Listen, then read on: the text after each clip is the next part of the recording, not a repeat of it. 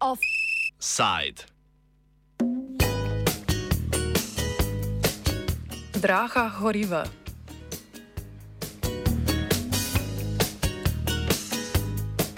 Predsednik vlade Robert Golop je na včerajšnji tiskovni konferenci predstavil prvi svežen ukrepov, namenjenih blaženju posledic draginje.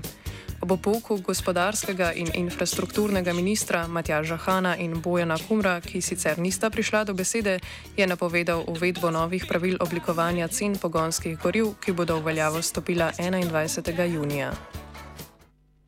Imeli smo v tem istem obdobju različne režime v Sloveniji, imeli smo režim popolnoma sproščenih cen uh, nafte in naftnih derivatov, in ta je bil uh, sicer dober za trgovce, bistveno manj dober za potrošnike.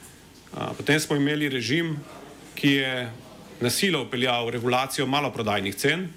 To je bil režim, ki je pripeljal do tega, da imamo danes v hiši na Ministrstvu za gospodarske dejavnosti, razvoj in tehnologijo res milijonske, deset milijonske, sto milijonske zahtevke po povrnitvi stroškov.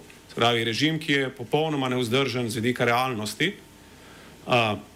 In ko smo se morali odločiti, kako naprej, smo v resnici, in to včasih celo deluje, šli po principu nazaj v prihodnost, vrnili smo se v režim reguliranih marš izven avtocest in sproščenih cen na avtocestah.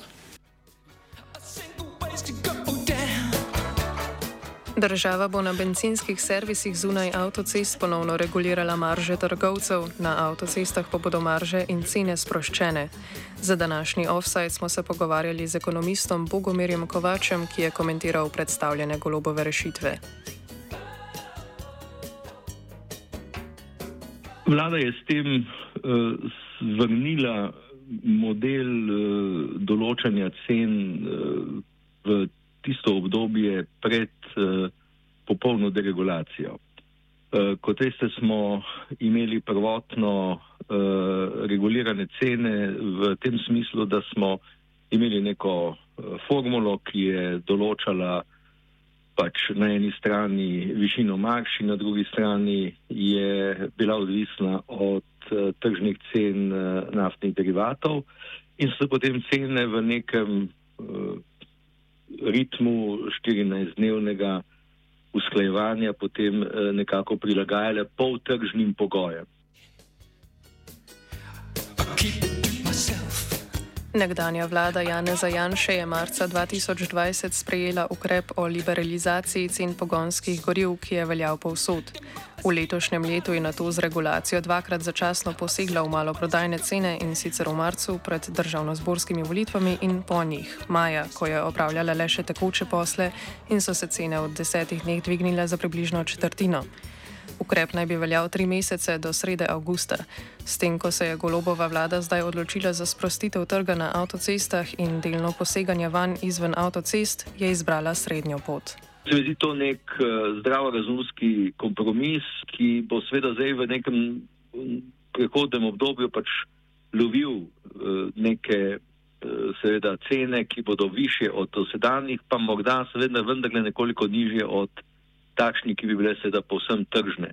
Hkrati pa se seveda zasebni trgovci eh, vendarle morajo zavedati, da so na nekem zelo posebnem eh, infrastrukturnem področju, da eh, so dobički, ki so tukaj seveda vendarle nekaj, kar eh, je predmet določeni meri regulacije in seveda tudi nekega sporazuma, lahko je to formalni sporazum ali pa seveda eh, neformalno strinjanje s tem, da vsak od deležnikov v tej relativno enostavni verigi, ne, tu imamo vendarle samo državo eh, in na drugi strani eh, trgovca z derivati, kajti vse tisto, kar je predtem, je pravzaprav tako že končno določena cena naftnih derivatov, kajti mi nimamo rafinerij in za nas je pravzaprav cena surove nafte zgolj orientacija za to, kar lahko potem kasneje na spot trgih seveda kupimo z vedika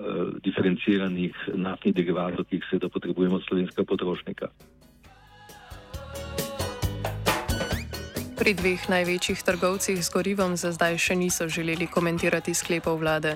Pri Petrolu so sporočili, da morajo trenutno gorivo prodajati pod nabavnimi cenami in tako z vsakim prodanim litrom ustvarjajo izgubo. Zato so na Ministrstvo za gospodarstvo naslovili zahtevo za povračilo 51,3 milijona evrov škode, ki naj bi jim bila povzročena z ukrepom prve regulacije cen med 15. marcem in 30. aprilom. Škodo v drugi fazi regulacije ocenjujejo podobno. Izpričana politika vlade glede zahtevkov trgovcev za povrnitev stroškov, kot so bili poslani Ministrstvo za gospodarstvo in tehnološki razvoj, je tako golob, da se zavrne. Usmeritev glede tega je, da se zahtevki, ki smo jim bili priča, zavrnejo uh, kot uh, neustrezni. Uh, ne bi se spuščal v detajle, o tem bo več uh, znanega, ko bo prišlo tudi do srečanja s konkretnimi uh, pošiljatelji zahtevkov in je tudi prav, da se tam to ugotavlja, vendar ocenjujemo, da taki kot so, zagotovo uh, ne ustrezajo uh, ne duhu, ne, ne, ne določilom zakona o cenah, po katerih so se tudi sprožali. Zakonska podlaga za omenjene zahtevke obstaja, vprašanje pa je, kaj želijo trgovci z njimi res doseči. Obenem njihovo grožnjo spretno izkorišča tudi vlada z interpretacijo, da bi lahko njihova končna vsota do konca leta znašala 800 milijonov evrov. To je, kot se je v sinočnjem gostovanju v odmevih populistično izrazil golob, več kot potrebujemo za celotno dolgotrajno oskrbo vseh prebivalcev Slovenije. To vrstno dinamiko Kovač označuje za pripravo na načrtovana vladna pogajanja s trgovci. Po mojem mnenju so te zgodbe ali ti zahtevki bolj ali manj pogajalski zahtevki. Takrat so naftne družbe zelo pohitele, zaradi tega, da so uh, na nek način dale vedeti ne, uh, odločevalcem, to je bilo še v okviru stare vlade, ne, da preprosto ne pristajajo na uh, tako enostranske uh, odločitve in tako rigorozne odločitve v njihovo škodo. Ne.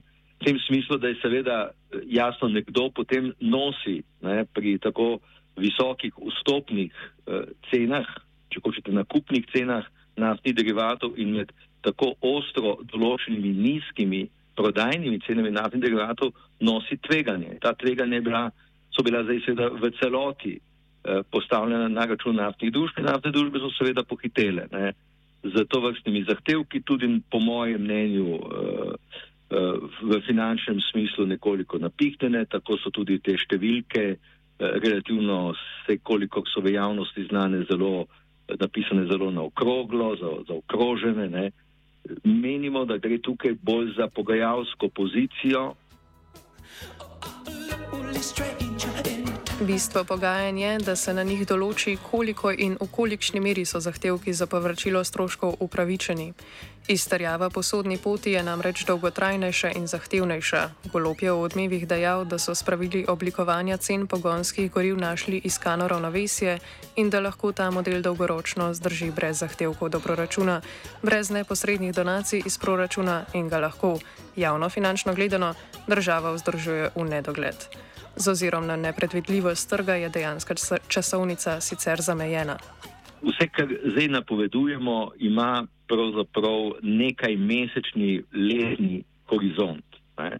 Za pogoje na trgu naftnih derivatov je tako, tako po mojem mnenju pomembno, da imamo neko stopnjo ali dogovora ali neko določeno stopnjo regulacije v tem smislu, da je seveda položaj, ki vlada na teh trgih, vendarle v veliki miri eh, oligopol. Pomeni, imamo dva osrednja velika ponudnika, Eh, ki se seveda ni treba, da se dogovarjata uh, javno v smislu nekega uh, kartelnega sporazumevanja, ampak sledita en drugemu in to je seveda zelo enostavno. Ne? Uh, vsekakor tudi neke večje konkurence nimamo. Po Golobovo, ki si je očitno vzel diskrecijsko pravico razlage vladne odločitve, je država šla v celoti na minimum. Trošarine, vključene v ceno goriva, ki jo potrošnik plača, naj bi bile torej tako nizke, kot so še lahko. A če se liberalizacijo praviloma sodi kot korak naprej, se z delno regulacijo pod golobovo vlado vračamo nazaj. Vseeno pa se bo v prihodnosti, tako kot več, treba lotiti tudi vprašanja, kako določiti zmeren nivo trošarin. Ta model velja pravzaprav po mojem mnenju lahko za uh, leto, dve, lahko se izkaže, da je bila tista deregulacija uh, prejšnjega uh, ministra za gospodarstvo, ki je konec koncev se zelo prizadeval skoraj da dva mandata za to deregulacijo, morda v določeni meri preuranjena, oziroma da je ta kombinacija, da imate del tega na cestnem križu eh, posem sproščenega in na drugi strani, da vendar v določeni meri regulirate, drugi del regulirate tako, da v bistvu imate škarje in platno v rokah, delno pri maržah, delno pa seveda pri vsemu tistemu, kar na benzinski evro seveda obešate. Ne? In seveda država je znotraj tega obesila zelo, zelo veliko stvari. Mi če bomo izčistili to ceno, ne, ki se je v preteklosti ne, od biodizla in tako dalje, eh, seveda precej napihovala, potem bomo tudi tukaj našli zdaj v tem prehodnem obdobju nekaj manevrskega prostora. Ni mogoče niti električne energije, to se bo pokazalo zdaj po tem nadaljevanju, ko bodo seveda uh, skušali reševati tudi ta problem, niti seveda uh, cen uh, naftnih derivatov obremenjevati z vsem mogočim Eh, fiskalnim eh, šavjem, zaradi tega, ker s tem financirate neke dolgoročne energetske, eh, oglične, brezoglične prehode. To ta cena v takšnih razmerah, kot danes vladajo, preprosto ne prenese. Nazaj v prihodnost. Offside je pripravil Fabian.